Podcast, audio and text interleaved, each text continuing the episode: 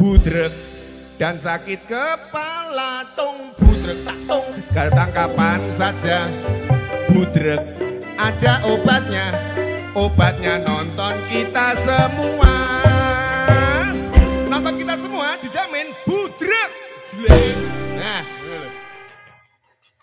Oke, baik eh, sobat pendengar. Jadi eh, program podcast ini terlaksana karena atas kerjasama dari Karang Taruna di Poratna Muda dan teman-teman KKN IT kelompok 233 Universitas Muhammadiyah Yogyakarta tentunya.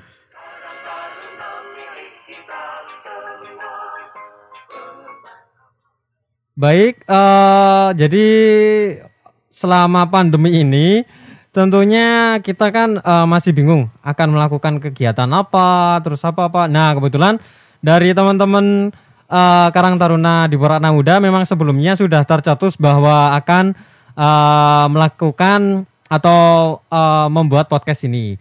Tapi memang belum bisa terlaksana, terlaksana atau terrealisasi. Jadi Uh, kebetulan sekali ini dari teman-teman KKN IT kelompok 233 dari Universitas Muhammadiyah Yogyakarta uh, kebetulan uh, juga mempunyai program kerja podcast tersebut. Jadi untuk podcast ini alhamdulillah sudah ya berjalan yang ketiga kali ini.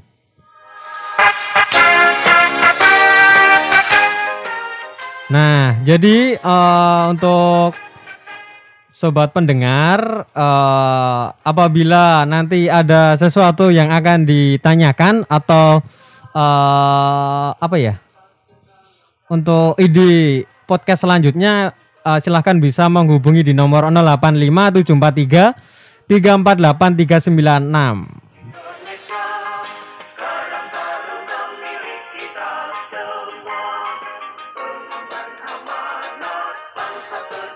Baik, eh, kita cek lagi persiapan dari Studio 2. Oke. Halo teman-teman, Studio 2. Studio 2 gimana? Sudah siap belum ya? Halo? Sudah dengar eh, apakah mendengar suara saya, teman-teman? Dengar ya? Gimana? Sudah siap belum? Sudah siap belum? belum belum Belum ya? Belum. Oh ya, oke. Nanti kalau sudah siap bisa ngode di grup atau gimana? Oke, oke, oke. Oke, jadi eh, persiapan di studio 2 masih belum eh, masih dipersiapkan, masih dipersiapkan. Oke. Eh, jadi eh, saya kasih clue dulu untuk pada malam hari ini. Pada malam hari ini tuh clue-nya seorang anak muda yang eh, sudah sudah menjabat di dusun. Nah, jabatan itu apa? Oke. Oke, clue-nya itu, clue-nya itu, clue-nya itu.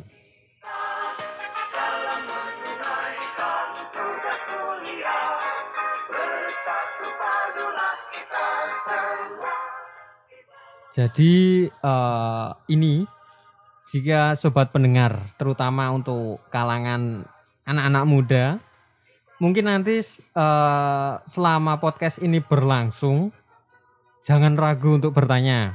Dan eh, podcast ini disiarkan secara langsung eh, di Instagramnya Karang Taruna di Poratna Muda dan di klo- di Instagramnya KKN IT 233 UMY. Nanti bisa dicek kalau nggak salah itu nama akunnya. Oke. Eh apa lagi ya? Hmm, kita kita kembali lagi ke studio 2. Apakah mungkin teman-teman sudah selesai? Selamat malam studio 2. Gimana ini? Sudah selesai belum persiapannya?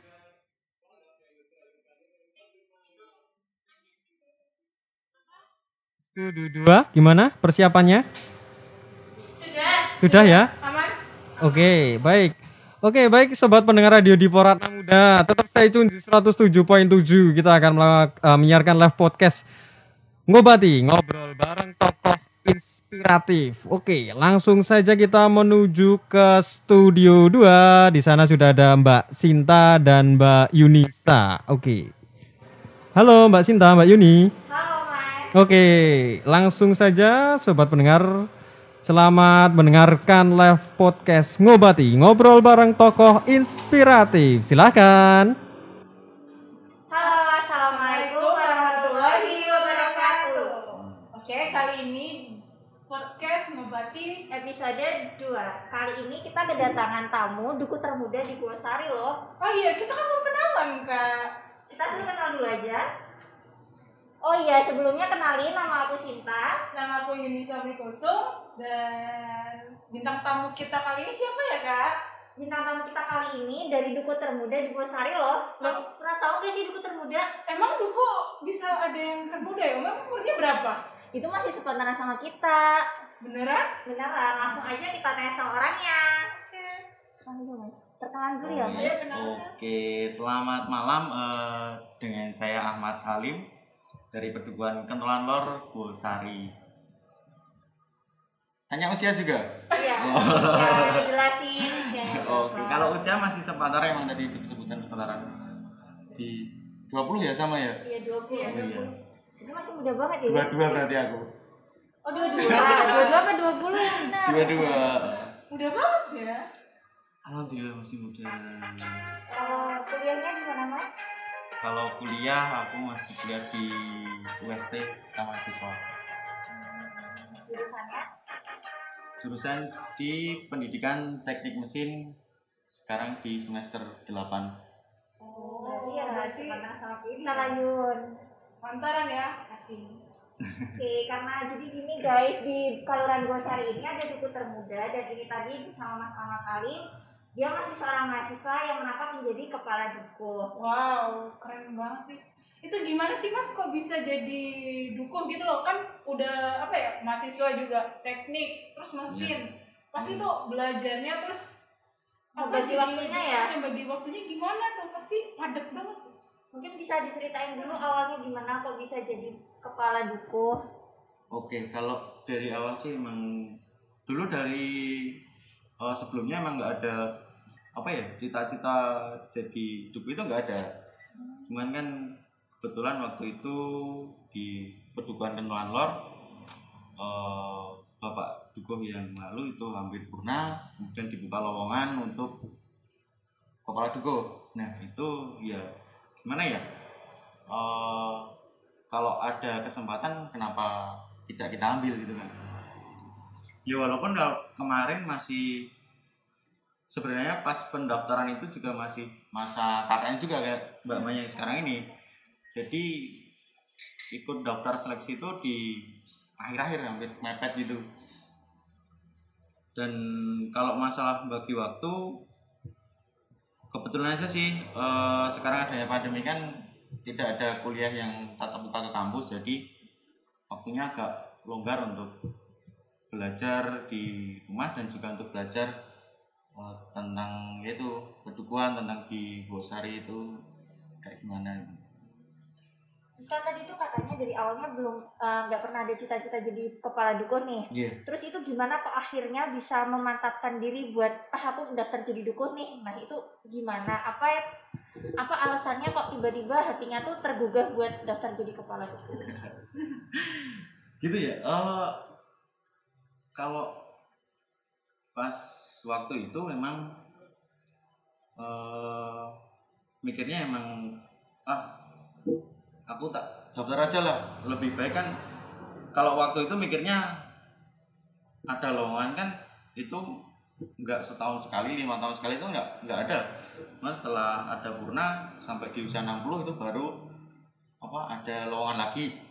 Nah itu mikirnya daripada nyeselnya ada lowongan tapi nggak diambil, dulu sempat mikirnya ya udahlah kalau besok emang bukan rezekinya nyeselnya karena eh, tidak lolos bukannya nyesel belum pernah mencoba gitu aja. Jadi tapi alhamdulillah ya itu tadi kan dulu prosesnya pakai seleksi ya itu dari perda itu peraturan daerah Kabupaten Bantul itu tidak ada kalau dulu kan oh kayak gitu apa namanya pilihan jadi kayak pemilihan suara gitu kalau ini kan dengan tes jadi ya kemampuan masing-masing juga sih ya alhamdulillahnya lolos Bisa gitu lolos. Sempet ada tantangan itu di nggak sih mas kayak misalnya ada yang memandang ih ini bukunya masih muda kayak disepelin orang apa dipandang negatif itu ada nggak sih mas kayak gitu Iya, karena kan pasti Iya. ada stigma masyarakat gitu loh. Kayak kan mungkin ada beberapa yang ih kok masih muda udah daftar jadi duku sih, Iya. sosokan banget. Mungkin kayak gitu atau gimana gitu. Eh, kalau itu kemungkinan juga ada sih dan nggak cuma satu atau dua. Eh, dari satu dusun itu kan pasti ada yang mikirnya oh ini masih muda ini dan bagaimana dan itu nggak cuma satu dusun sih mungkin ada di eh, teman-teman yang lain dan kan kadang kan ya mau gimana ya namanya anak muda ya kan masih kan eh, pergaulan dan bagaimana itu kan kayak masih seneng-senengnya main terus ya kayak gitu lah mainnya anak muda kayak gitu kan. Kalau teman-teman itu mikirnya sih aku tuh kenal kamu kenal deket. Masa kamu mau daftar ini? Itu beneran teman enggak? Secara mereka bisa tahu aku pergaulannya kayak gimana. Ya enggak lurus-lurus banget sih. Jadi ya pasti banyak yang mikirnya ini serius nggak sih? Apa cuma main-main doang? Itu kan masih ya, terutama kalau kemarin yang teman-teman KKN itu. Ya kan dulu kan masih kakaknya masih reguler kan? Iya. Jadi kan itu terus eh, ada lawan itu nggak nggak cerita sama teman-teman. Cuman pas pas perpisahan itu baru aku ngomong doain besok eh berapa hari ya? Kayaknya dua hari lagi ada pendaftaran aku ikut gitu kan. Ih, serius enggak? gitu kan. Kan juga pada kaget. Iya, pada kaget. Secara kalau di ya. oh, di KKN kan biasalah ngobrolnya kayak gitu anak-anak muda terus eh ini serius enggak serius enggak nah, kayak gitu Berarti tanggapan masyarakat itu dihadapinya santai ya, disikapinya santai aja, nggak terlalu eh, nggak maksudnya nggak bikin percaya dirinya kurang gitu atau gimana? Hmm, enggak. Kebetulan juga lebih banyak yang nguatin sih dari kalau di dusun itu banyak teman-teman eh, dari apa ya pemuda karang taruna atau malah dari yang senior dari yang bapak-bapak muda gitu kan. Melu mana melu mana ikut aja ikut aja gitu. Lah jadi eh, ada yang support gitu loh. Nanti ke depannya gini besok kalau misalkan butuh bantuan apa besok tak bantu gitu kan. Jadi kan oh ini aku belum maju udah ada yang support intinya kalau besok aku yang jadi itu mereka siap buat bantuin gitu loh itu kan juga ada jadi semangat sendiri kan Kan lebih banyak yang support kan daripada apa ya nyepelin seperti itu. iya sih oh Kalau dari keluarga sendiri gimana tanggapannya? Eh, ini Kalau- manggilnya Pak apa Mas ya enaknya? tapi ya ya Jadi ya pantaran tapi dia jabatannya tinggi loh Yun daripada Iya. kita. Pak Enaknya manggil apa nih Pak Duko ya. atau Mas Duko? biar lebih akrab aja Oh Mas. kalau mas kayaknya kelihatan tua apa ya Enggak enggak sih kita sepantaran Pantaran aja. Oke, berarti Mas Duko. Gimana Mas kalau dari keluarga sendiri mungkin pas pertama mau daftar jadi dukuh itu cerita dulu ke orang tua atau pas di akhir baru cerita? itu dari keluarga kalau dari ibu sih ikut aja daftar aja gitu. Ya nggak tahu kan rezekinya di mana. Kalau misalnya emang di situ dapat amanah untuk eh di dusun ya udah nggak apa-apa kan. Tapi kalau dari bapak sih bapak emang awalnya kan kalau eh, sebenarnya kalau sama keluarga itu kan mesti kan banyak bercandanya ya. Iya. ada yang mau bilang pak awal daftar ini pak kan cuma dikira bercanda doang gitu kan? Jadi kan bapak kan juga nggak nanggepin serius. Iya. oh, sama sama abang juga sama abang. Aku harus daftar ini gitu. Berarti natural gitu. serius nggak itu kan kan kalau pas dari ibu terus sama abangku gitu kan kalau eh, udah tahu aku emang bener ada niat mau daftar itu mereka support. Tapi kalau sama bapak kan emang gimana tetap sebenarnya belum bisa nerima gitu loh kan. Dikirain cuma bercanda doang. Iya. kan terus aku tinggal KKN itu. Aku tinggal KKN juga kan nggak nggak ketemu sama bapak juga kan selama hmm, 40 hari 40 hari. Itu pulang cuma sekali doang itu pas acara Karang Taruna Unit. Nah itu kan nggak ngobrol banyak sama bapak. Jadi bapak tetap nganggapnya masih Bercanda. bercanda. Oh. baru sampai selesai aku selesai KKN eh belum belum selesai. Aku pulang pulang itu itu bilang mau ke oh ditanyain ngapain pulang gitu kan? Ada tugas. Tugas tugas apa? Tugas kuliah gitu kan? Cuman juga belum bilang ke bapak tapi kan aku tuh nyari syarat-syarat gak? SKCK terus apa itu? Oh, baru SKCK sih. Baru setelah selesai KKN bilang ke bapak pak berkas gue lengkap Oh, gitu. Ya, aku mangkat aku harus mangkat iki. Mau tak kumpulin gitu kan. Tinggal ini mau eh, itu kurang yang apa kan ada dukungan masyarakat 100 eh, dukungan berupa fotokopi KTP nah itu baru bilang ke bapak pak ini minta dukungannya mau minta tanda tangan sama fotokopi KTP itu bilang ke bapak kayak gitu baru aku percaya gitu. Oh, weh tenanan lo, weh. Memang ini kapan itu kan? Kapan lo ini lo nyari berkas berkas ini? Ya aku pas balik ya, pas aku pulang KKN itu ngurus SKCK ini. Cuman aku bilangnya kan tugas gitu. Gitu, baru percaya bapak. Baru disupport. Ya namanya orang tua kan ya kalau anaknya udah ada niatan sendiri dan niatnya itu bagus, orang tua tuh support. Berarti buat ngurusin semua berkasnya itu dilakuin sendiri ya? Ya, oh, berkas pendaftaran dilalui sendiri. Berarti hebat loh di sela-sela KKN. Eh, cuman mas di ini pas sebelum nyari SKCK kan ada apa namanya surat untuk dari pengantar KT kemudian tanda tangan dulu baru dibawa ke kelurahan. Nah itu kan kalau aku mau minta surat yang dari bawah dari RT itu kan kayaknya nggak memungkinkan kan. Jadi aku sebelum pulang itu bilang sama bangku dulu, Mas mintain ini sama RT gitu kan. Terus apa aku baru minta pulang ditinggal itu berangkat ke kelurahan eh, pengantar SKCK itu oh iya, apa lagi? Hmm, waktu pas dipilih ternyata lolos nih jadi dukuh perasaannya gimana? Terus keluarga nanggepinnya gimana?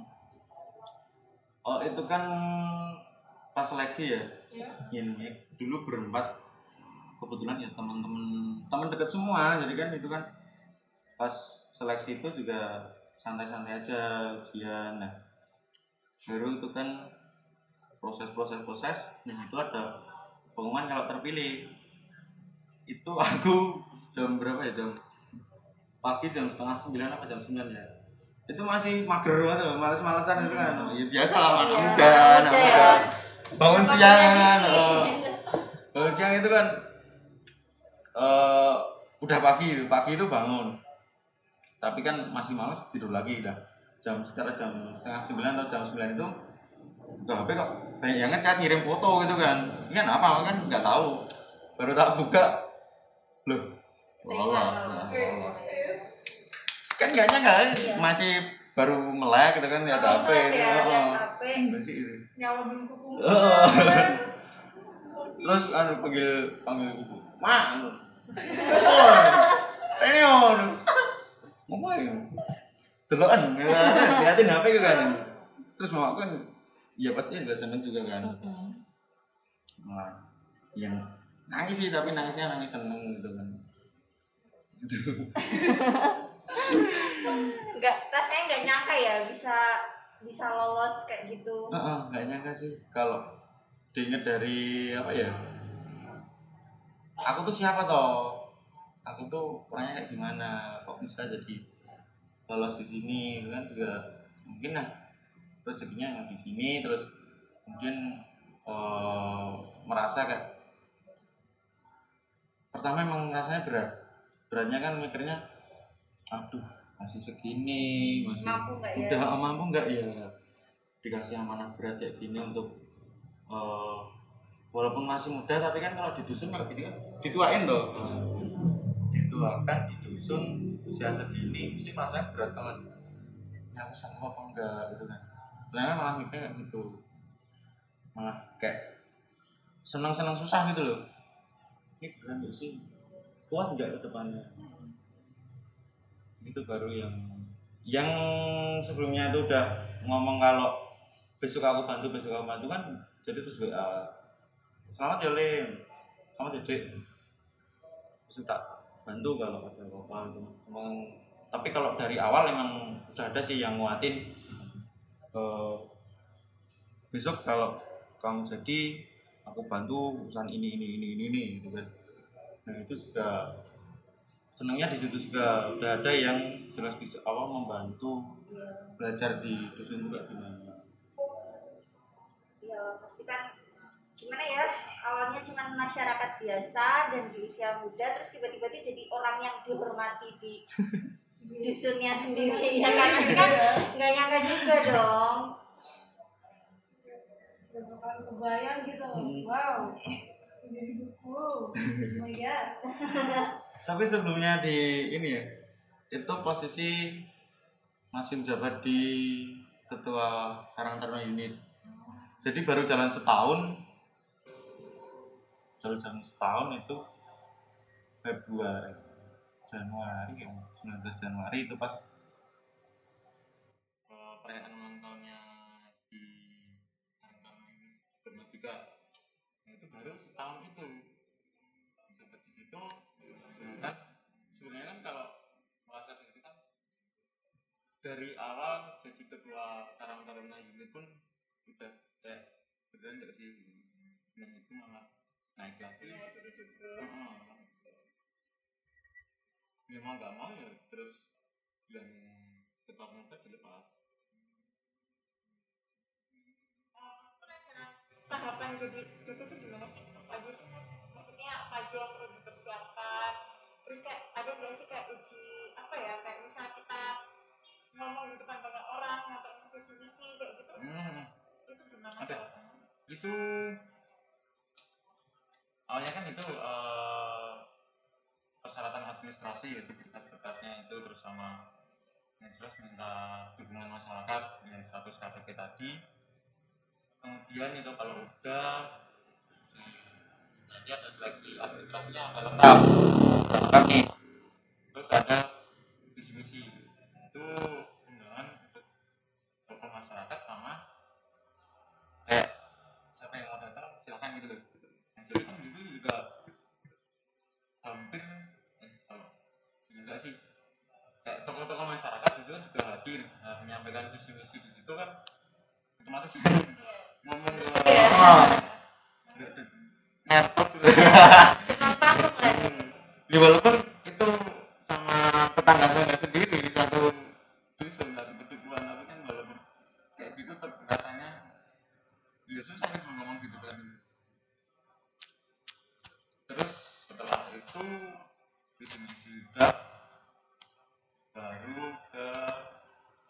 seleksi seleksinya itu apa itu ya ketika sih.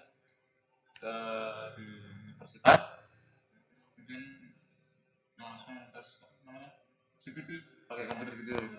Ya di situ ada eh, soal-soalnya ada soal tentang pemerintahan terus di penipuan terus apa ya kayak undang-undang ataupun peraturan-peraturan pemerintah gitu terus nanti ada ujian. Oh tes psikologi terus ada juga wawancara sama ini apa itu? Praktek. Prakteknya itu diacak itu ada list kayak acara-acara hajatan di kampung gitu loh. Ini kan ada, ada yang dulu itu manten terus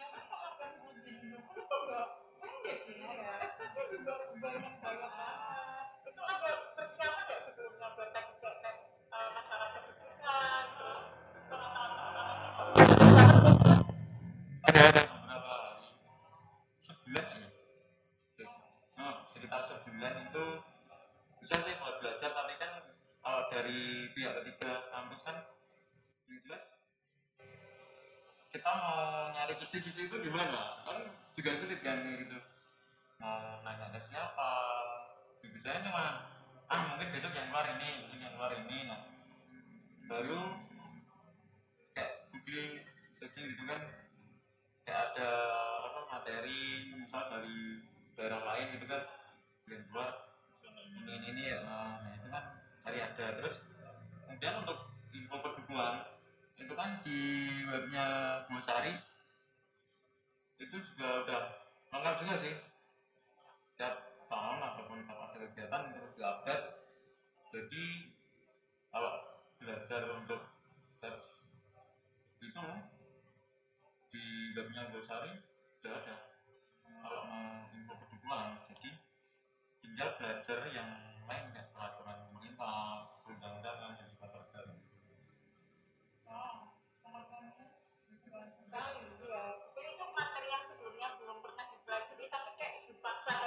membaca Iya. dan harus mempelajari seluruhnya kayak gitu. Kalau selama proses seleksi itu hal yang paling sulit yang menjadi tantangan dari mas Halim sendiri itu yang di pas bagian apa? Yang jelas kalau yang paling sulit itu pas prakteknya. Pidato kebetulan waktu itu aku yang dapat giliran pertama dan itu apa ya, itu pas dapat bagian eh, nerima manten Namanya nerima manten nah padahal kan yang kayak mas Rakyat ngirain mantennya belum ada makanya belum ada yang ngomong. Dan aku harus eh, menyampaikan nerima. Jadi kan ngarangnya kan agak susah ya. Dan pakai bahasa Jawa di acara mantan itu kan kayak yang bagus kan agak tinggi ya apa ya promo ya bahasa drama itu kan bahasa drama itu juga menjadi tantangan di situ sih.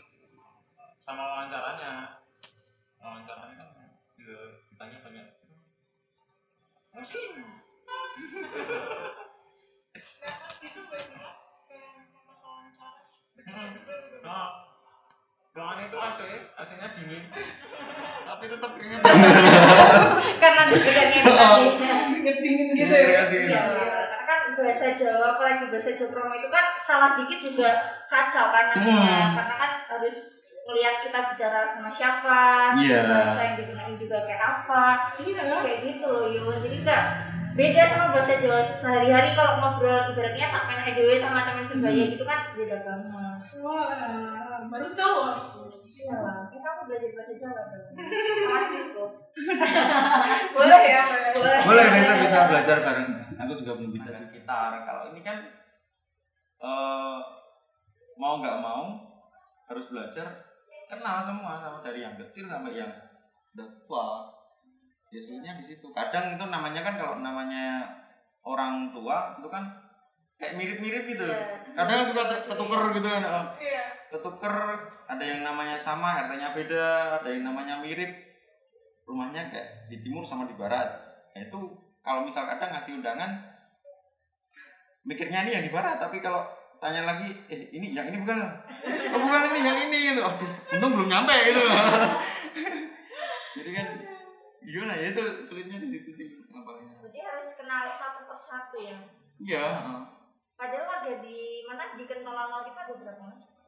kalau ter Keseluruhannya. terakhir kemarin dari yang eh, hitungan balita sampai yang lansia itu sekitar 800 loh Banyak Wow. juga loh. 800 orang. Harus dihafalin satu-satu. Iya. Dari retak-retak rumahnya juga harus hafal. Iya. Kalau yang masih mudah dihafalkan, yang usia kayak bapak-bapak, ibu-ibu gitu kan masih bisa dihafalin kan.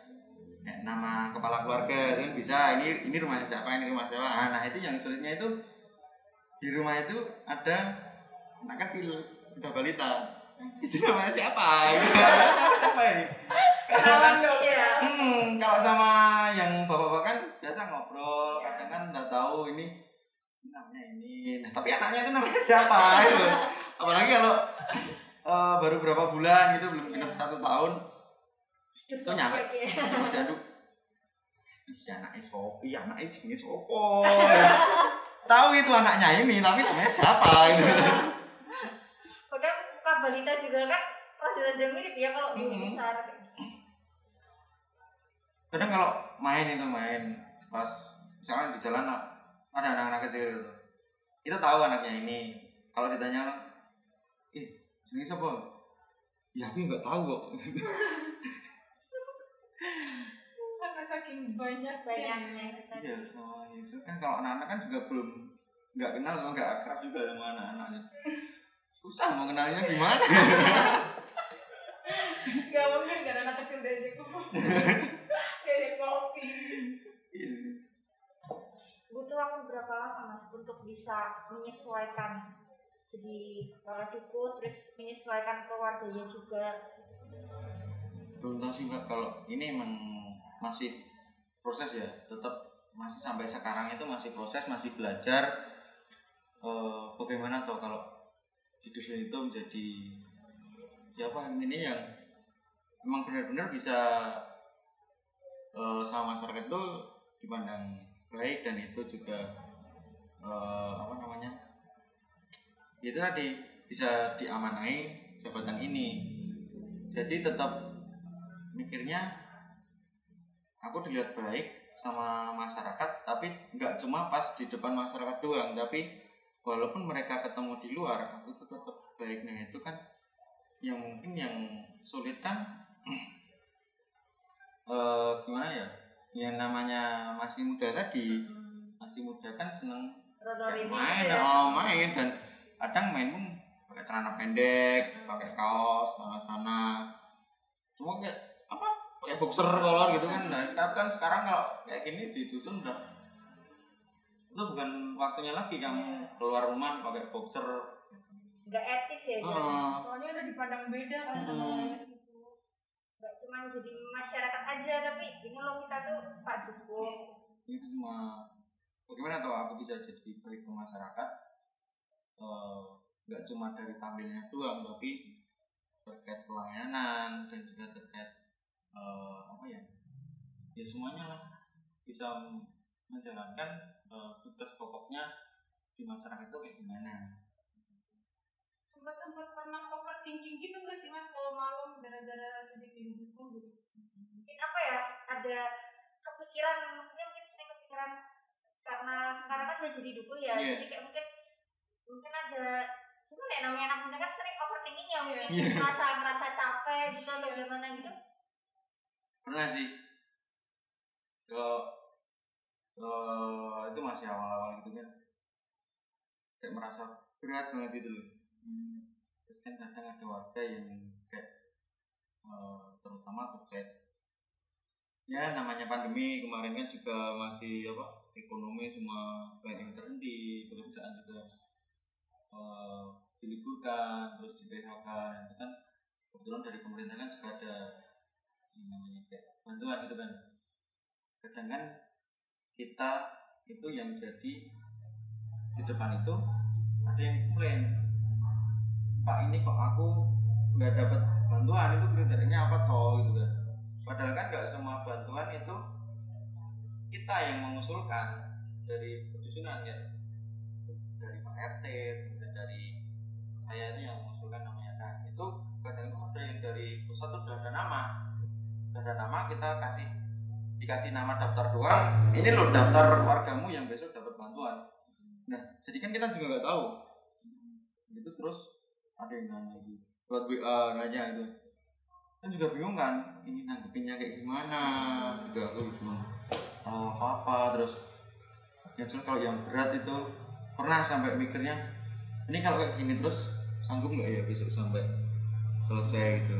Dari awalnya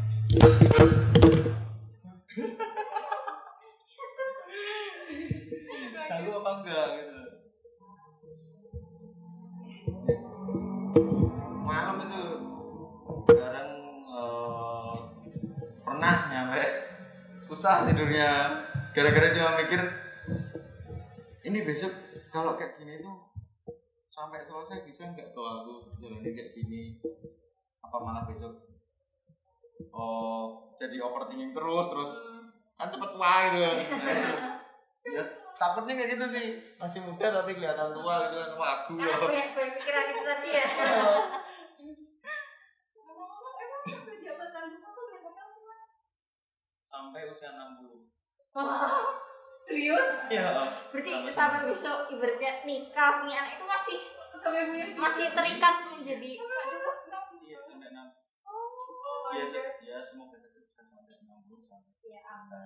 Amin. Oh, lu aku kira jabatannya kayak misalnya pemerintah gitu ya, gitu kayak lima tahun sekali. tahun atau berapa ternyata oh baca buku.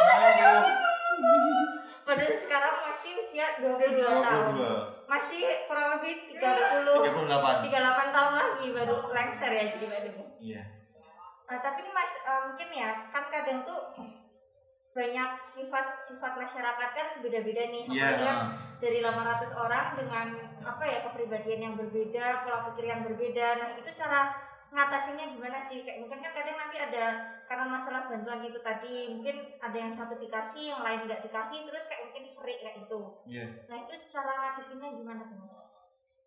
kalau ngadepin yang kayak gitu ya Mbak? susah Susah. oh Iya. susah Susah. mau gimana ngadepinnya kalau misal eh, mau kayak yang bantuan jelas yang bantuan. Misal ada komplain nih mas ini aku kok udah nggak dapet. Itu gimana toh? Gitu.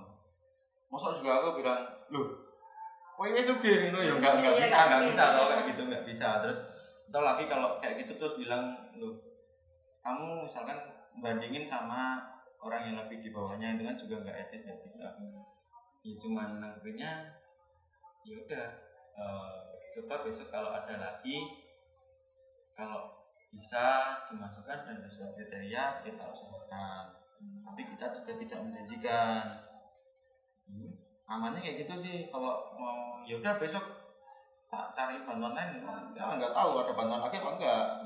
Sedangkan kriteria bantuannya juga enggak Beda-beda. nggak semauku gitu nggak semau orang terus. Aku merasa nggak punya aku Dapat bantuan. oh itu nggak bisa. Ribetnya di situ ya ngadepin banyak orang terus juga kadang kan masyarakat ada yang susah diatur ada yang gampang diatur. Diatur ada yang cepat aja juga kan ya. Tapi yang jelas kalau sekarang eh mau gimana ya? Kadang ada yang ngerti itu kan ada yang keras. Ada juga yang nyantai. Kadang ada masalah sedikit yang kayak jadi gede gitu kan. Loh aku ya di sini juga mikirnya aduh aku juga harus gimana? Gitu kan. Kadang juga ada yang ngomongnya nyelkit tapi masuk ya aku terus marah-marah sama dia itu nggak bisa yang eh, harus bisa gimana ya? Nyantai aja gitu. Jadi kalau misal ada orang yang ngomong nyelkit atau nggak suka sama aku ya udah aku tetap harus suka sama dia. Nggak bisa kok dia nggak suka aku juga nggak suka itu nggak bisa. Karena mau nggak mau juga jadi kepala di depan nggak bisa kan kayak terus keras eh, ibaratnya kamu nggak suka sama aku ah aku terus sebel sama kamu kan Hmm. juga nggak bisa ya maksudnya udah beda gitu loh. Kalau oh dulu masih apa ya masih santai itu kan kalau anak-anak muda kadang kan kue rasa ngerokok aku ya wis ora ngerokok ya itu kan. Saya itu misal kamu berbuat buruk ke aku aku juga berbuat buruk ke kamu juga bisa. Nah, tapi kan kalau sekarang nggak bisa kayak gitu. Kalau kamu misal nggak suka atau eh gimana ya? Sama atau yang jelas kalau kamu nggak suka sama aku atau nggak nyaman sama aku aku malah harus membuat dia lebih nyaman dia berbuat jahat aku harus lebih baik malah kalau bisa lebih baik dari yang lain gitu loh ke orang itu Oh iya, kan masnya kan di buku nih. Teman-teman di kampus tuh pada tahu gak sih? Oh, itu tahu sih. oh, oh. Dulu kan itu pas selesai KKN. Itu nggak tahu sih itu yang taunya pada dari mana. Yang jelas tuh di grup. Di grup tahu-tahu ada yang kan itu ada di IG-nya kelurahan. iya Nah, ada itu ngepoin loh nggak tahu itu bisa dapatnya dari mana itu bisa di grup. Nah, itu juga kaget juga kan loh. Kok bisa ada eh, mereka tahu tuh nah baru tahu semua nah juga ada dosen yang tahu sih pas itu selesai KKN ada mata kuliah. Nah pas masuk ambil sama dosen. Pak Dukung kok tahu ya Pak? Tapi itu dosennya masih muda sih jadi santai juga kok tahu ya Pak? Loh, lah masa karo mahasiswa ini nggak ngerti gitu kan. Dia pasti kan di nonton yang mohon pak. Diceng-cengin gitu gak sih kayak di Ya Pak Duko, Ah, ada kan biasa anak muda Nah, biasanya anak muda kan biasanya diceng-cengin gitu kan Iya sih, oh, sama teman-teman kampus yang jelas oh. teman kelas itu. Iya itu kayak nggak percaya kan itu. Serius guys. Cuma pikirannya kan cuma nggak tahu aja dari foto atau gimana. Ya, tahu keseharian di kampus sehari-hari Oh. terus tiba-tiba jadi Pak Joko kan rasanya kayak Hmm, nggak lagi percaya. gitu ya.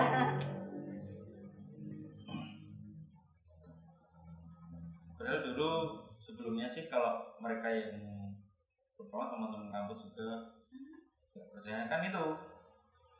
Dulu bergaulnya kayak gimana sama teman-teman di kampus terus kesehariannya gimana.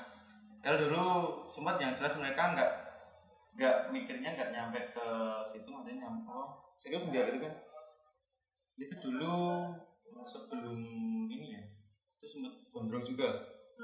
Pakai rambut gondrong gitu kan. Jadi kan teman-teman pada awalnya kamu kenapa potong? gitu kan potong rambut kenapa? Mereka juga nggak berpikir jauh kan nggak nyampe kamu mau ngapain? gitu kan ya itu cuman potong apa? Ya nggak potong tok gitu. mau potong doang. Tapi kan begitu udah tahu mereka jadi paham sendiri. Iya sih. Keren sih. Terus apa eh, meskipun ini kuliahnya online ya? Iya. Ya itu kan gimana tuh bagi waktunya? Ini kan ketika ada kan kita anak kuliah aja tugasnya tuh udah banyak banget. Terus kayak masih ya masih apa ya belum ada urusannya lain ditambah ngurusin pedukuhan pedu- apa dusunnya sendiri itu gimana tuh masalah waktunya ke waktu itu ada apa ya pas ujian. Pas ujian ditutup jam jam setengah sepuluh. Setengah sepuluh pagi. pagi. Nah, itu kan ujian UTS Hmm. setengah sepuluh pagi. Itu batas kirim jawaban. Tapi itu pas hari Senin di kelurahan ada rakor saya di situ nah terus kan bilang sama Pak dosen Pak mohon maaf gini gini gini gini kenapa gitu. Kerjanya sekarang gitu. Mohon maaf Pak masih ada berapa apa tinggal itu saya ini Pak gitu kan. Sekarang jadi dukuh ada rekor gitu semua ya udah tak perpanjang nanti sampai jam eh kira-kira selesai jam berapa gitu kan. Insya Allah bentar lagi selesai. Kalau misal nanti tak bukain lagi portalnya kalau udah selesai ini nanti tak bukain lagi langsung segera dikirim gitu. Nah itu alhamdulillah pak dosen ada yang memahami kayak gitu. Berarti banyak dosen yang mengerti ya sama Iya, kondisi gitu. Tapi sering nggak sih mas? Begadang sampai malam atau bahkan nggak tidur karena mungkin ngurusin kuliah, ngurusin urusan dokumen dokumen ya dokumen dokumen itu tadi. gitu di mana gitu. Kalau nggak tidur sih nggak pernah sih.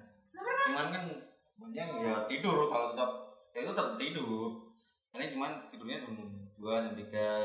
Terus tapi pagi bangun berkurang oh my god. Jadi malam pernah sih malam ada apa ya pokoknya ada tugas yang perlu data dari kelurahan sih waktu itu malam. Kerjain sama bantu sama kader juga kan juga namanya belum hafal juga kan sama kerjaannya gimana belum tahu. Nah itu malam ngerjain itu selesai ya jam 11 jam 12 itu terus setelah itu ngerjain yang kuliah. Pagi nah, baru pagi dikirim. Itu langsung dikirim terus paginya kegiatan yang biasa lagi di kelurahan mungkin ah, bisa sambil diminum-minum dulu mas.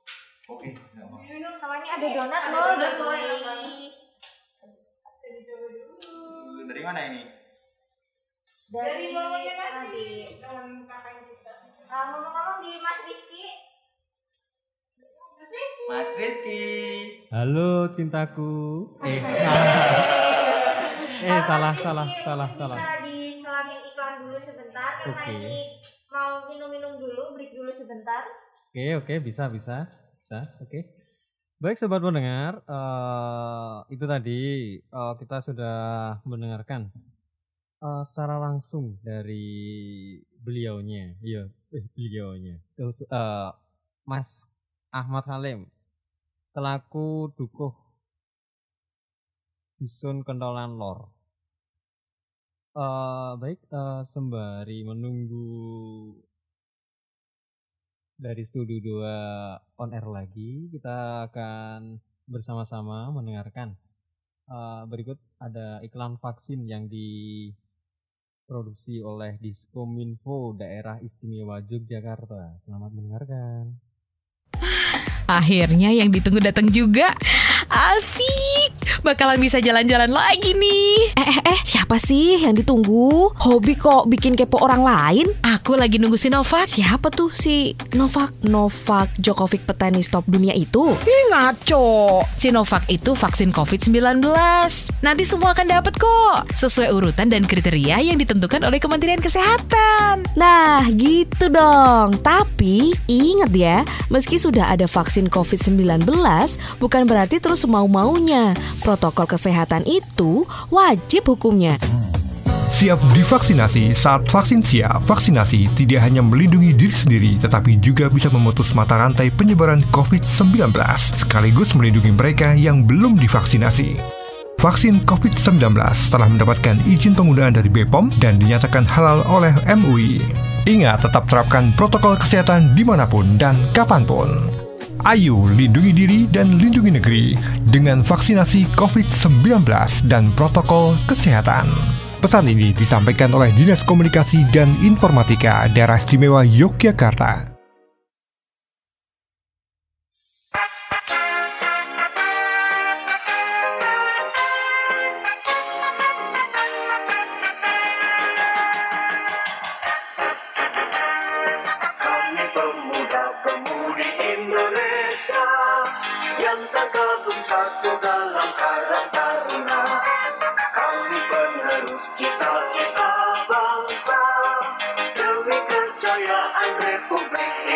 Indonesia.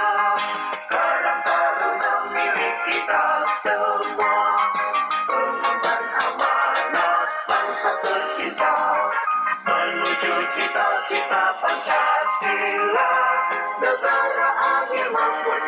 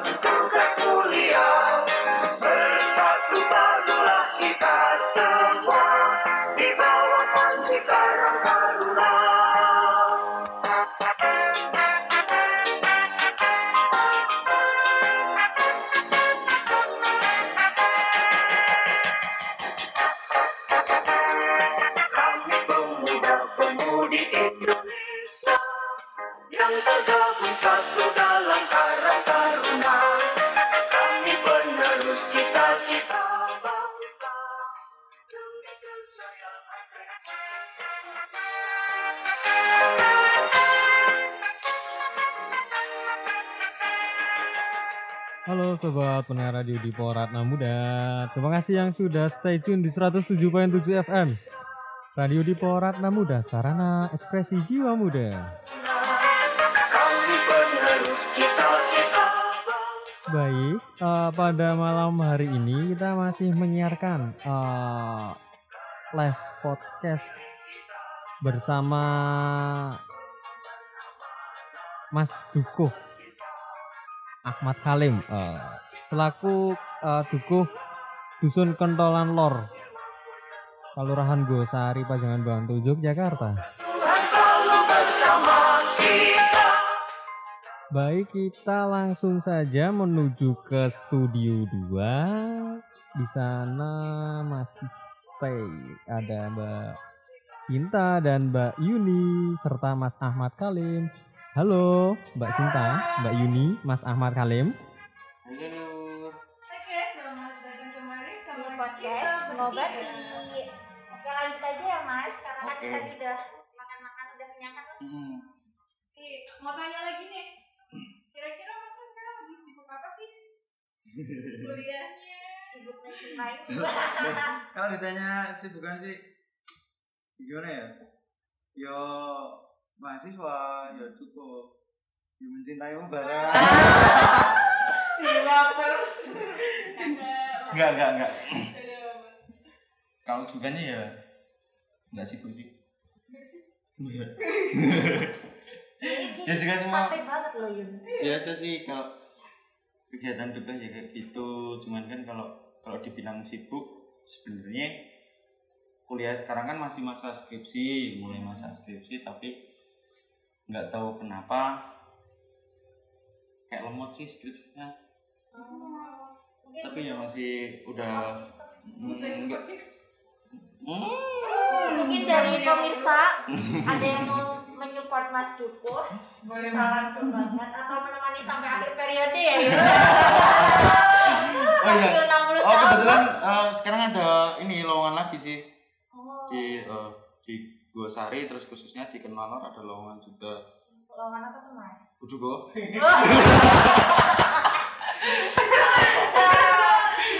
Kalau ini mungkin beda loh Yun. Nanti apa namanya orasinya itu nggak di masyarakat.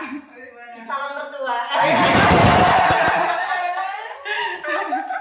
Mungkin kalau ada minat bisa jadi ibu duku mendampingi Mas Ahmad Halim. ya Oh, jadi punya ibu duku? Belum, belum. jadi Mas. Bu PKK lo Oh, ya mantap itu. Gimana tuh? Kasih ya? kasih. yang jelas buat ya. yang jelas buat ini loh nemenin nyumbang gitu loh Oh, iya. masa ya nyumbang mamaku terus Dewe, oh, dewe. dewe nih dusun ya mamaku terus ya takon nyumbang kan ya Kan wagu dong juga butuh disupport ya Mas. Yang minat ya bisa langsung komen di Instagram. Nanti kita kasih CP-nya Mas Ahmad Halim. Guys. besok Nanti- anu ya apa dibikinkan apa pamflet gitu Iya. Nanti Lowongan- pasang fotonya Mas. lowongan Lowongan buku. Mau kriteria yang gimana Mas? Hah? Mau kriteria yang gimana? kriterianya yes mana tuh sih Oh, Sebenarnya belum ya. yang penting belum berarti Bu PKK karo keterkait nyumbang. Mungkin dari ada yang cocok bisa langsung aja, langsung nggak perlu pakai orasi-orasi langsung keterima. Keterima jadi apa? Bujuku. Oke, kita lanjut ke topik. oke Tadi kan ngomong-ngomong masalah kesibukan itu kan masih skripsi ya, Mas? Iya. Karena berarti kan ini mahasiswa tuh ada hitungannya. Iya ini masih ke akhir di semester 8 Ya semoga saja sih di semester ini bisa selesai gitu sudah ya kan Jadi kan ini tugasnya nggak cuma bujuku tuh tugasnya nambah loh. Dampingi foto wisuda. Oh iya Terus besok di Bawa skripsi bunga ya. di skripsinya ditulis terima Ya, kasih terima kepada kasih Budiku ya sudah menyemangati saya dan membuatkan kopi tiap malam. Besok kalau ada yang minat namanya dicantumkan di skripsiku boleh bisa jadi Oke. aja Tapi terjeren L mas. Nih ngomong-ngomong Oke. masalah skripsi tadi, Iya itu dengan posisi sekarang menjadi Pak Dukuh ya dengan kesibukan yang banyak ya bisa dibilang itu ganggu nggak sih mas sama proses skripsinya mungkin kan karena kan kadang mungkin di saat mau fokus skripsi eh kok ada urusan yang lain yang harus diurusin kayak gitu Kalau sebenarnya sih enggak sih mbak. Eh, bisa jalan sih antara di kegiatan di perdukuhan sama ngurusin skripsi sebenarnya bisa jalan. Cuman kadang udah apa mentok mikirnya di skripsi kan. Udah nyampe sini udah mentok aduh besok lagi. Cuman kadang kayak gitu. Banyak mentoknya. Emang. Berarti bukan karena bukan karena Pak di tadi ya cuman, mentok nih mentok pikirannya sendiri kok Cuman kesadaran dirinya itu ya mas yang kurang ya. ya, itu support system itu ya. Sebenarnya paling penting tuh itu. Support system. Santai mas. Tuhan bersama mahasiswa semester tua. Kira-kira dari live TG kita ada yang nanya nggak ya? Oh iya. Udah ada yang nanya belum? Gila Ike mantap? Oh, dari Nadifa Sanjani. Oke. Oh, bagaimana cara pendekatan Mas Dukuh dalam mengatasi masalah warganya, khususnya yang lebih tua? Oh itu mas. Gimana cara pendekatan? pendekatan masalah nah contoh masalah mas kalau misal apa ya masalah sama nah ada sih kemarin sempat ada masalah di kayak di keluarga. Kekeluargaan gitu loh. Tapi kan sampai melibatkan di RT sama duko nah masalah kekeluargaan yang saya sendiri belum berkeluarga. Ya kan bingung nanggepinnya kayak berpengalaman. gimana oh. Ya cuma nanggepinnya ya setahu aku aja gimana baiknya kayak gini terus sama dibantu Pak RT sama tokoh setempat itu kita cuma saling nambahin gitu terus akhirnya juga alhamdulillah bisa selesai. Nggak naik naik naik gitu. Kayak gitu sih. Yang jelas ada bantuan dari orang lain. Kayak gitu mas. Berarti jadi Pak Dukuh itu tadi itu ya di sebenarnya dituntut buat ngerti masalah orang lain ya sih. Iya. harusnya ada eh, masalah orang lain itu kalau kayak gini nanggepinnya kayak gimana? Terus kalau ada masalah kayak gini nanggepinnya gimana?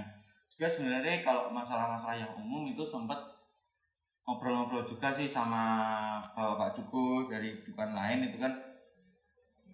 Ada yang pernah nyampein besok i berat lu nek misal ada masalah misalkan ada masalah kayak gini. Nah, terus pripun pak ini gimana itu? Terus dikasih tahu besok kalau misalkan nyampe kayak gini ya gini gini gini gini oh iya oke jadi untuk bekal juga sih eh, sharing sama Pak Dukuh Pak Dukuh yang lain yang senior. Iya senior. Yang jelas nek pepatah itu banyak makan garam asam garam. Pokoknya sih ngono lah luwih senior luwih ngerti. Bisa ini waktu itu tapi pernah nggak mas kalau misalkan ada konflik kayak gitu ya di Iya. orang tua tadi? Terus tuh kayak diremehin misal ah aku orang tua kok isih cilik ibaratnya kayak gitu. Kalau masih kecil kamu tuh tahu apa kayak gitu. Itu pernah nggak diremehin orang kayak gitu? Atau mungkin ada orang yang berkomentar kayak gitu? Kebetulan baru sekali ada masalah yang di kekeluargaan dan baru sampai itu jadi juga alhamdulillah mereka itu sampai ngundang saya kan berarti undang aku ke situ berarti mereka mempercayakan ya minimal menjadi saksi lah eh, konfliknya kayak gimana gitu. Ya walaupun bisa nambah-nambah dikit eh, untuk penyelesaian. Tapi yang jelas minimal jadi saksi itu.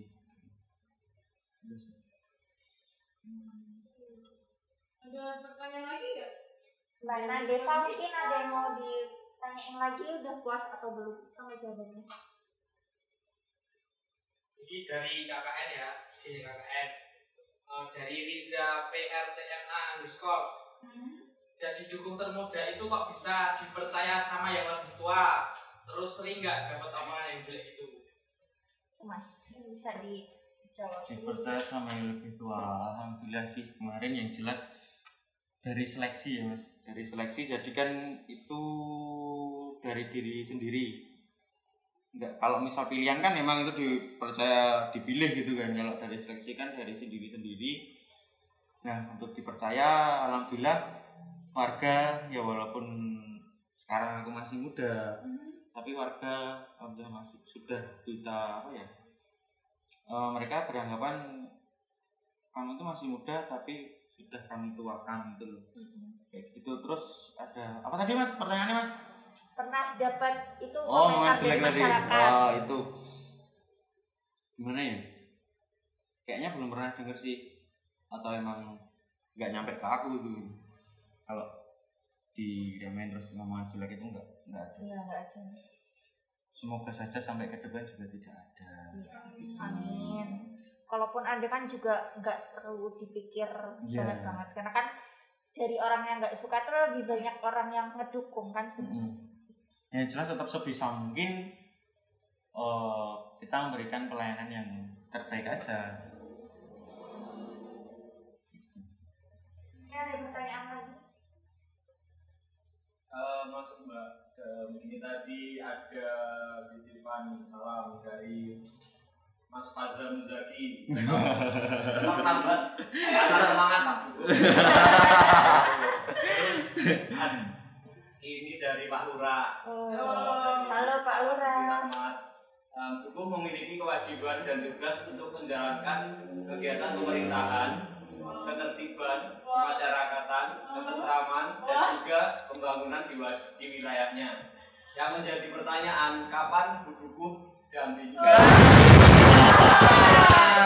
Balik lagi ke topik pertama tadi. Lurah. Ibu dukun gimana ya? Pak Lurah lu. tak kirain dari awal disampaikan itu terus mau ya. masukan, ngasih Oh, masukan ini. Harusnya kalau yang disampaikan kayak gini kayak gini kayak gini. Ternyata ya juga sama. Gimana Pak Lurah? Rekomendasi? Diterima dengan baik. Semoga saja. Oke. kalau ada rekomendasi dari Pak Lurah? Uh, mantap Kasihan lo udah mikir diri sendiri, mikir masyarakat, gak ada butuhnya lagi.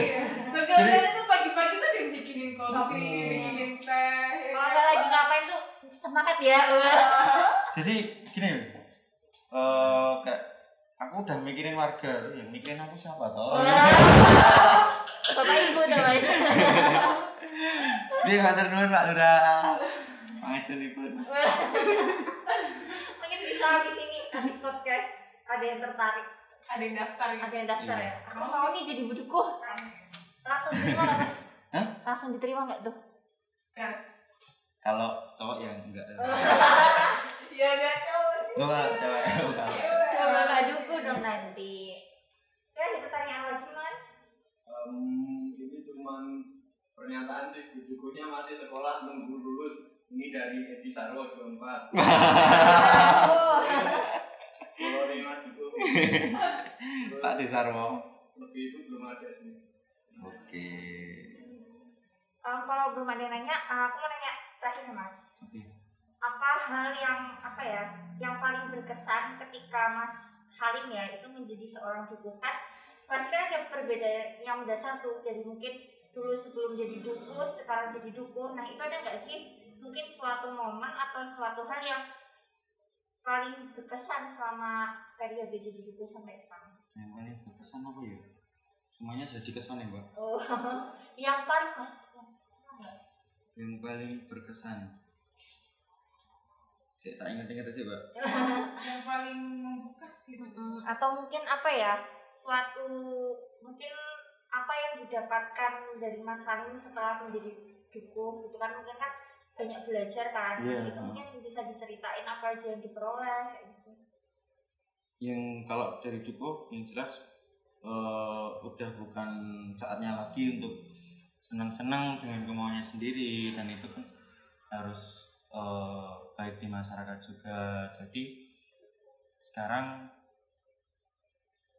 emang walaupun masih muda jiwanya masih suka senang-senang tapi tetap sebisa mungkin tetap gimana ya tetap menjaga. Itu itu udah bukan saatnya lagi aku buat seneng-seneng. Seneng-seneng kayak anak muda yang lain. Harus udah tahu posisi sekarang kayak gimana. Oh ya terus oh ini heeh. sama kalau pengalaman tadi yang masih bukannya berkesan cuman masih keinget itu. Di bulan apa belum lama sih. Eh, kalau biasa kan kalau Pak Duko itu terus di acara hajatan mantan itu kan eh, nerima tamu kalau istilahnya oh, oh bukan. Eh, ini ucapan selamat datang Pak Bagio Harjo gitu loh. Dari awal dulu pernah pertama kali emang grogi sih greget awalnya pengen dingin. Nah tapi kan berjalannya waktu santai santai santai. Bisa lah puasa sedikit sedikit bisa santai. Nah suatu ketika uh, rilis suatu ketika. Dongeng nih Yun Nah, Dongeng. ini yang terakhir kemarin malah terakhir. Belum lama jadi. Jadi itu di tempat tetanggaku masih saudara juga nah itu di eh, diminta untuk menerima tamu itu. Selamat datang Pak Bagioarjo itu. Nah teman-teman itu tamunya itu muda-muda gitu loh. Sama ada juga karena itu juga masih orang apa anak karang taruna di di Purana juga. Itu tamunya yang paling depan malah teman-teman di Puratna yang aku kenal dan orangnya juga kayak gitu. Maksudnya ya gokil-gokil loh jadi pertama mas masuk nih masuk di tengah-tengah tamu gitu tengah masuk ini MC-nya bilang eh bilangnya dari sampai dari Pak gitu kan terus bilangnya oh Nyun ngapunten eh sanes Pak Dukuh nih kita saya Mas Dukuh ngoten niku kan oke santai jalan sampai tengah di jadi ini rombongan cewek-cewek masih muda-muda gitu mas mas mas gitu kan. mau noleh terus bilang iya deh gitu kan. Jadi di situ malah aduh malah diceluk mas mas barang gitu iya nah nyampe di depan di depan mic. Sebelahnya ada teman-teman dari karang-karang di Purana Muda dan kenal dan ah, orangnya juga gokil-gokil ah dredegnya ya ampun biasanya kurang dredeg ini kok yo jadi nyampe apa ya ngeblank lah ini mau diomongin apa gitu. Padahal biasanya juga nggak masalah. Jadi mas, mas ingatnya mas eh, yang sampai sekarang masih masa keinget dan momen anehnya tuh jadi gitu. Padahal itu kan kalau kan udah kenal udah temennya sendiri harusnya kan malah lebih lost tau nanti kegoda sama mereka yang pede. oh termasuk di situ kayak ada Mas Rizky kadang gitu Mas jadi topat ini malah terus sih. Cuma apa? Ada yang bertanya lagi? langsung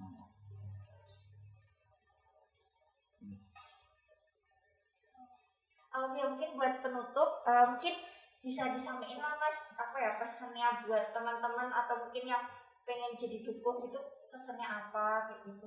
Kata-kata semangat kita atau motivasi? Kata-kata semangat atau motivasi untuk teman-teman yang jadi dukung Nah, atau mungkin buat kita yang haula muda gitu loh kayak dari apa ya berdasarkan pengalaman mas Halim Hmm. sendiri. Yang gini ya. Kalau misalkan mau jadi dukuh atau bukan yang jelas kita mikir aja dulu. Kita di rumah di kampung misalkan kalau ya sama-sama hidup di kampung gitu loh. Eh, sebisa mungkin bagaimana cara kita berguna di masyarakat. Nggak harus melalui jadi dukuh lah. Cuman ya jelas eh, bagaimana cara kita bisa mengabdi ke masyarakat berguna bagi masyarakat. Nah kemudian untuk misalnya teman-teman nih mau mahasiswa atau yang lainnya kalau ada kesempatan entah itu yaitu tadi pekerjaan ataupun eh, pengabdian ke masyarakat kalau ada lowongan ataupun ada kesempatan apa pun itu kita coba. Kalau bukan rezeki kita ya nggak apa-apa. Bisa kan kita oh, udah berusaha. Yang jelas kita itu kalau berusaha tapi gagal itu kecewanya kita karena gagal bukan kecewa karena belum mencoba sama sekali.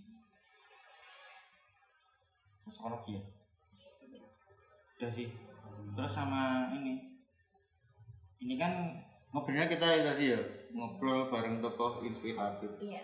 Yang setelah itu dari kemarin sih mikirnya dari diriku sendiri loh. Sih jadi inspiratif ini gak gini dengan di situ ini kok jadi saya yang diundang gitu kan ya, sebenarnya terima kasih sih sama teman-teman KKN dari UMY Eh, tapi kemarin kan juga ini inspiratifnya di mana? Kalau bingung loh. Inspirasi banget, karena kan apa ya Masih muda, Iya, masih iya, zaman mahasiswa mahasiswa bisa jadi kepala duku kan gak semua apa ya gak semua mahasiswa tuh memiliki kesempatan Iya. yang sama seperti Mas Halim kayak gitu jadi ya mungkin dibilang inspiratif ya menurut kita ya inspiratif gitu. Karena benar-benar gak sia-siain kesempatan itu loh. Apalagi jadi seorang kepala duku gitu. Kayak wow keren banget. Kan juga nggak semua mahasiswa tuh punya keinginan. Aku pengen jadi kepala duku. Mungkin kan kayak ada yang satu dua kan ada yang males. Kayak ah, apa sih buat apa? Gitu. Hmm. cuma kan ini beda gitu loh. Nggak semuanya punya kepikiran seperti itu jadi uh, itu alasan kita kenapa pengen undang Mas Halim di sini. Terima kasih. terus gimana nih Kasinta? Oke, karena mungkin waktunya udah mepet juga, jadi kita akhiri dulu ya Mas. Mungkin nanti di lain kesempatan atau di luar kita bisa Ngobrol-ngobrol lagi. Iya, di luar ngobrol loh ini. Iya. Emang nggak kerasa sih udah Iya, lama ya dari udah jam jam- 8 sampai Iya, kita dari jam 8 sekarang udah hampir setengah Setengah 10. Wow. Oke, Kalau mungkin ya, emang beda kalau ngobrolnya sama cewek-cewek. eh, ini kode loh buat yang udah jadi buduku. Udah, Diakhirin aja Yun. Baik, i- sebelum itu terima kasih banyak untuk yang sudah berpartisipasi dari tim, terus uh, teman-teman yang udah terima di siaran langsung yang udah kita kelola. Ya. Dan semoga podcast kali ini bisa apa ya memberikan manfaat buat para penonton, bisa mengubah mindset kalian semua, terutama jadi mahasiswa tuh bukan suatu penghalang buat ngelakuin sesuatu kayak gitu. Oke, mungkin sekian podcast ngobati episode 2. Oh iya, oh, sebelum selesai. Eh, ini yang jelas dari saya sendiri, mohon maaf apabila selama kita ngobrol terus sama ini kan dari tadi kalau ngelantur terus banyak salahnya juga saya mohon maaf. Dan juga untuk eh, penonton juga saya mohon maaf. Terus sama yang utama sama warga di dusun Kenulan Lor kalau eh, dari saya sendiri banyak salahnya dari awal sampai sekarang juga mohon maaf. Terus ke depannya nanti tetap mohon apa ya bantuan terus dibimbing terus ya semuanya lah. Kayak gitu. Oke itu aja sih. Oke, cukup sekian untuk podcast kita malam ini. Oke, wassalamualaikum warahmatullahi wabarakatuh. Sarangnya Baik, terima kasih Mbak Sinta, Mbak Yuni, dan Mas Ahmad Halim tentunya yang sudah berkenan hadir pada acara program podcast malam hari ini. Aku bisa ngakak, sik terkait kuwi mau. Selaku Pak Duko memberikan ibaratnya pamit pas rapi. Nah terus tamu nih kebetulan konyone dewi dan konyone kuwi otomatis wonge gokil gokil dia sepurane Pak Duko apabila salah saya pribadi sempat membuat anda blank oke. Baik terima kasih sobat pendengar radio di Porata Muda yang sudah stay tune di 107.7 MHz radio di Porata Muda sarana ekspresi jiwa muda. Baik eh untuk sobat pendengar tunggu podcast podcast selanjutnya yang akan hadir tentunya. Eh, baik eh sepertinya malam hari ini dari radio di Borata Muda eh, kita cukupkan dulu untuk siarannya saya Rizky menyiarkan langsung dari studio radio di Borata Muda Kompleks Gor Kalurahan Gosari, Jalan Rutan Bantul kilometer 1, Iroyudan Gosari Pajangan Bantul. Mohon minta untuk undur diri, mohon maaf apabila selama penayangan acara program podcast tadi terdapat salah kata, salah apa ya, salah ucap ataupun yang kurang berkenan di hati para pendengar semuanya. Sekali lagi eh, kami minta maaf. Baik, kita tutup dulu untuk podcast pada malam hari ini. Terima kasih yang sudah stay tune di 107.7-nya. Selamat malam dan tetap sehat, tetap semangat, tetap menjaga protokol kesehatan tentunya. Sampai jumpa. Budrek. Dan sakit kepala tung budrek tak tung. Datang kapan saja. Budrek ada obatnya. Obatnya nonton kita semua